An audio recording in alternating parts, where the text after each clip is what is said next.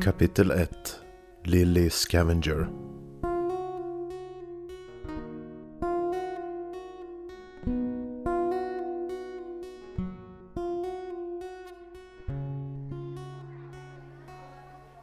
Lily Scavenger. Har vi någon Lily Scavenger här i klassen? Lily reagerar av att James knackar henne på axeln. Lily, fröken ropar precis upp dig. Lilly ser att fröken tittar frågande på henne. Ja, jag är här, säger Lilly. Är du inte med oss idag? Lilly, säger fröken. Jo, ursäkta fröken Miller, jag fastnar bara i mina egna tankar. Jag lovar att vara mer uppmärksam, säger Lilly. Efter första lektionen går Lilly mot sitt skåp och James stoppar henne. Lilly, hur är det med dig egentligen? Frågar James oroligt. Inget. Det är väl det vanliga, svarar Lilly. Lilly behöver inte säga mer. James förstår. Men han vet också att det inte är någon idé att fråga Lilly om något mer. För en gång tidigare har han gått över hennes privata barriär genom att fråga om det var något problem hemma. Lilly svarar honom genom att stirra in i hans ögon med en sån hatisk blick att han mådde illa. Sen bara gick hon. Inte ett ord. Bara en hård, svart och själsligt penetrerande blick. En blick James aldrig sett någon annan människa ha tidigare. Någonsin. Sen den gången lovade James sig själv att aldrig mer ställa mer djupgående frågor till henne. Hela skoldagen går som i slow motion. Lily tittar hela tiden på klockan. Hon tänker hela tiden på vad som händer hemma medan hon är i skolan. Vad gör mamma nu? Är hon full? Är hon hög på tabletter? Kommer jag någonsin få middag idag eller måste jag skippa idrotten och gå in och stjäla pengar från klasskamraternas ytterkläder medan de har lektion?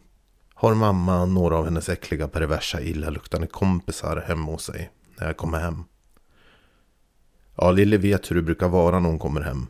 Så vid skollunchen smyger hon ner några knäckebrödsbitar i jackfickan. Ifall att mamma inte lagar någon mat alls idag. Det mättar något och hon slipper i alla fall stjäla från sina klasskamrater. I Lillys huvud så vill hon bara skrika ut hur jävla jobbigt hon har det. Hur hennes bortskämda klasskamrater har det som har hårt arbetande föräldrar som inte super sönder skallen. Hon skulle gärna berätta allting för fröken Miller om hur jobbigt allting är hemma. Men hon kan inte. Någonstans så är Lille rädd. Att skulle hon berätta hur hon har det så kommer de sociala myndigheterna att placera Lilly i en annan familj. Och hon vet ju hur hennes mamma är. Hur det brukar vara. Och hon har lärt sig att överleva efter de förutsättningarna. Lilly vet att skulle hon bli fosterhemsplacerad då är det nya regler, det är ny skola och det är helt nya sätt hon måste lära sig att leva efter. Och det orkar inte hon ta just nu. Därför är det lättare att bara vara tyst. Lilly sitter ensam i matsalen. Det brukar hon ofta göra då det är lättare att sitta ensam och studera andra än att behöva vara social hela tiden. Och ursäktas varför hon alltid är så trött. Eller varför hon inte vill att någon av hennes klasskompisar som alltid är så nyfikna inte kan följa med henne hem någon gång.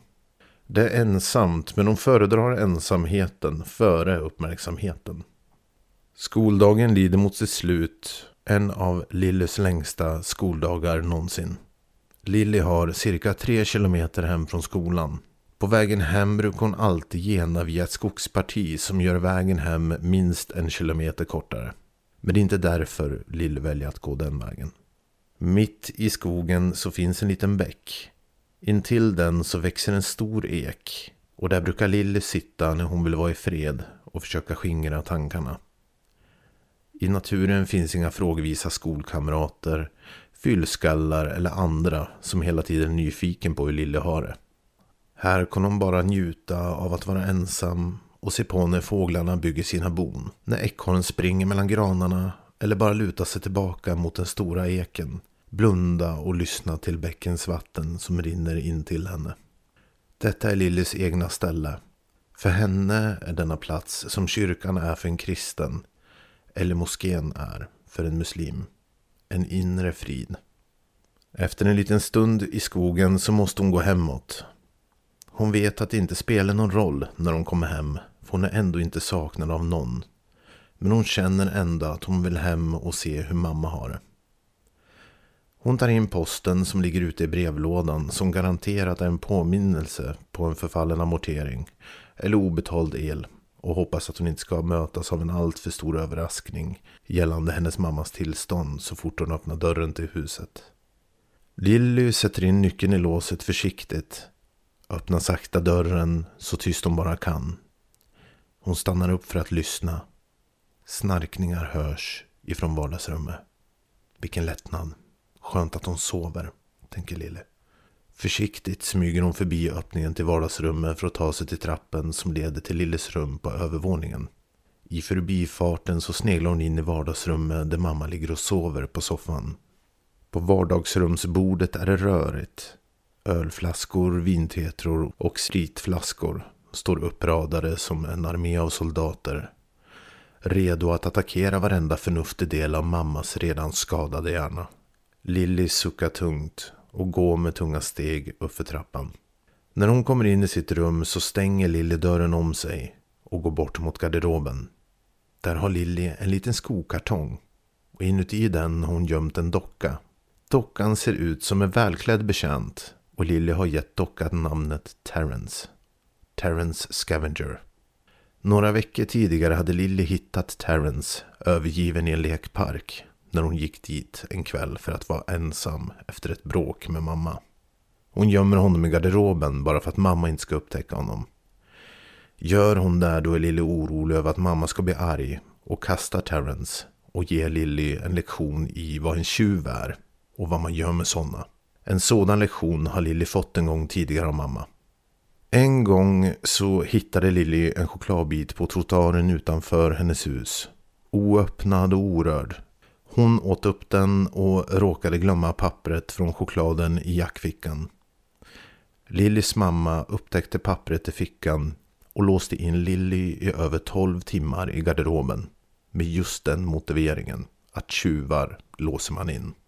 Lilly blir full av hat när hon tänker på vad mamma har gjort mot henne under alla år sedan Lillys pappa John dog.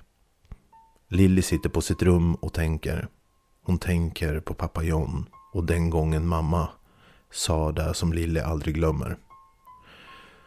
John var en hårt arbetande man. Han hade jobbat på stadens järnverk ända sedan han var i övre tonåren. Och han älskade verkligen sitt jobb. Tyvärr så dog han tragiskt i en olycka på arbetet när Lille bara var fyra år. Efter pappans död började Lillys mamma förändras. Från att vara en ordningsam och kärleksfull hemmafru och mamma till att bli en alkoholist som på alla tänkbara sätt enbart hatade Lilly. En gång när mamma hade fått i sig både tabletter och sprit så fick hon en rejäl snefylla. Hon sa till Lilly att hade det inte varit för att hennes pappa hade varit stressad att hämta henne på dagis då hade han aldrig missat trucken som kom åkande precis bakom en pall vid stämpelklockan. Och då hade han heller aldrig blivit påkörd. Det är ditt jävla fel att John är död. Det var tack vare dig och ditt gnäll. Att du inte ville vara på dagis som man ville skynda sig för att hämta dig. Och det ledde till att Johns arbetskamrater fick skrapa upp hans kvarlever på golvet efter att trucken gjorde mos av han. Fattar du det? Ditt fel, hade mamma sagt. Lilly kommer aldrig förlåta mamma för de orden. Hon var bara fem år när hon fick bära skulden för hennes pappas död. Lilly hör hur flaskorna välter på nedervåningen. Mamma är vaken, tänker Lilly. Snabbt lägger hon tillbaka Terrence i skokartongen och slänger tillbaka kartongen in i garderoben. Lilly sitter tyst för att försöka lokalisera vart mamma är beroende på var hennes steg hörs i huset. Mamma är på väg upp för trappan och Lilly fruktar över vilket humör mamma kommer vara på när hon kommer in i rummet. Lilly, är du hemma? ropar mamma. Ja, jag är på mitt rum, svarar Lilly. Dörren smäller upp och där står Lillys mamma i nattlinne. Fortfarande full och aggressiv till uttrycket och tonen. Vad fan håller du på med ungjävel? Ingenting mamma. Lillys mamma laddar en örfil med sin högerarm. Nej mamma, sluta! Lyfter den och örfilen träffar Lillys vänsteröra. Lilly faller till golvet. Medan hon faller hinner hon tänka tusen onda tankar om mamma. innan hon träffar golvet med en sån kraft som ger henne blodsmak i munnen. Lilles mamma skriker en massa svärord som sakta men säkert låter som de sades under vatten. Nu hörs mammas gälla röst längre och längre bort. Lilly svimmar. Efter ett tag vaknar Lilly till av att hon kräks på golvet. Huvudet spänner så hårt att det känns som att det blivit klämt i ett skruvstäd. Livrädd för att mamma ska ha hört hennes kräkljud så stänger hon dörren till sitt rum.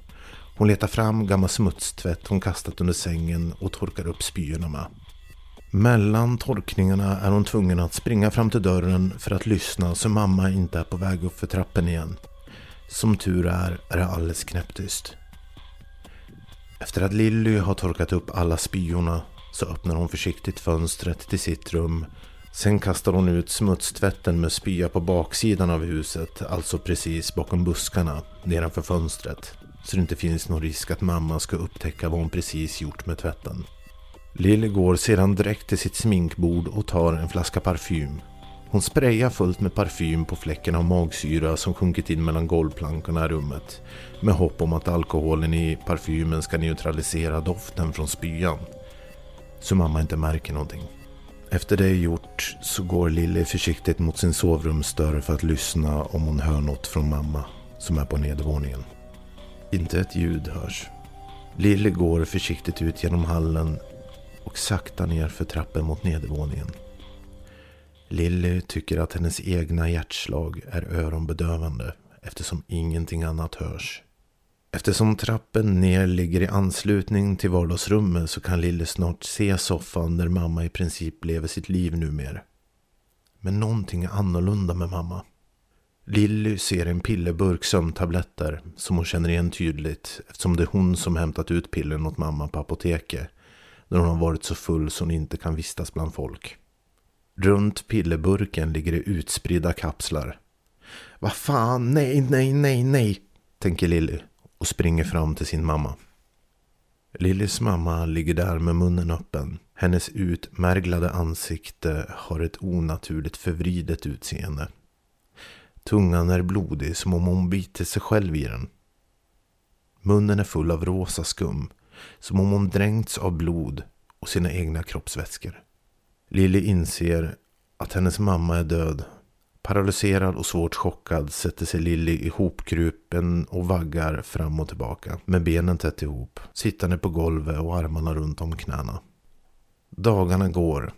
Ingen sjukanmälan från Lillys mamma att Lilly är sjuk har inkommit till skolan.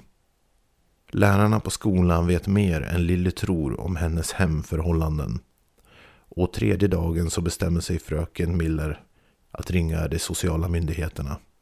Tillsammans med polis anländer de sociala myndigheterna till huset där Lille bor. Polisen bryter upp dörren och väl inne slås de av en söt rutten stank. I vardagsrummet hittar de Lilly på samma plats där hon satte sig när hon fann sin mamma död på soffan. Okontaktbar. Du har nu hört kapitel 1, Lille Scavenger, ur historien Lilly.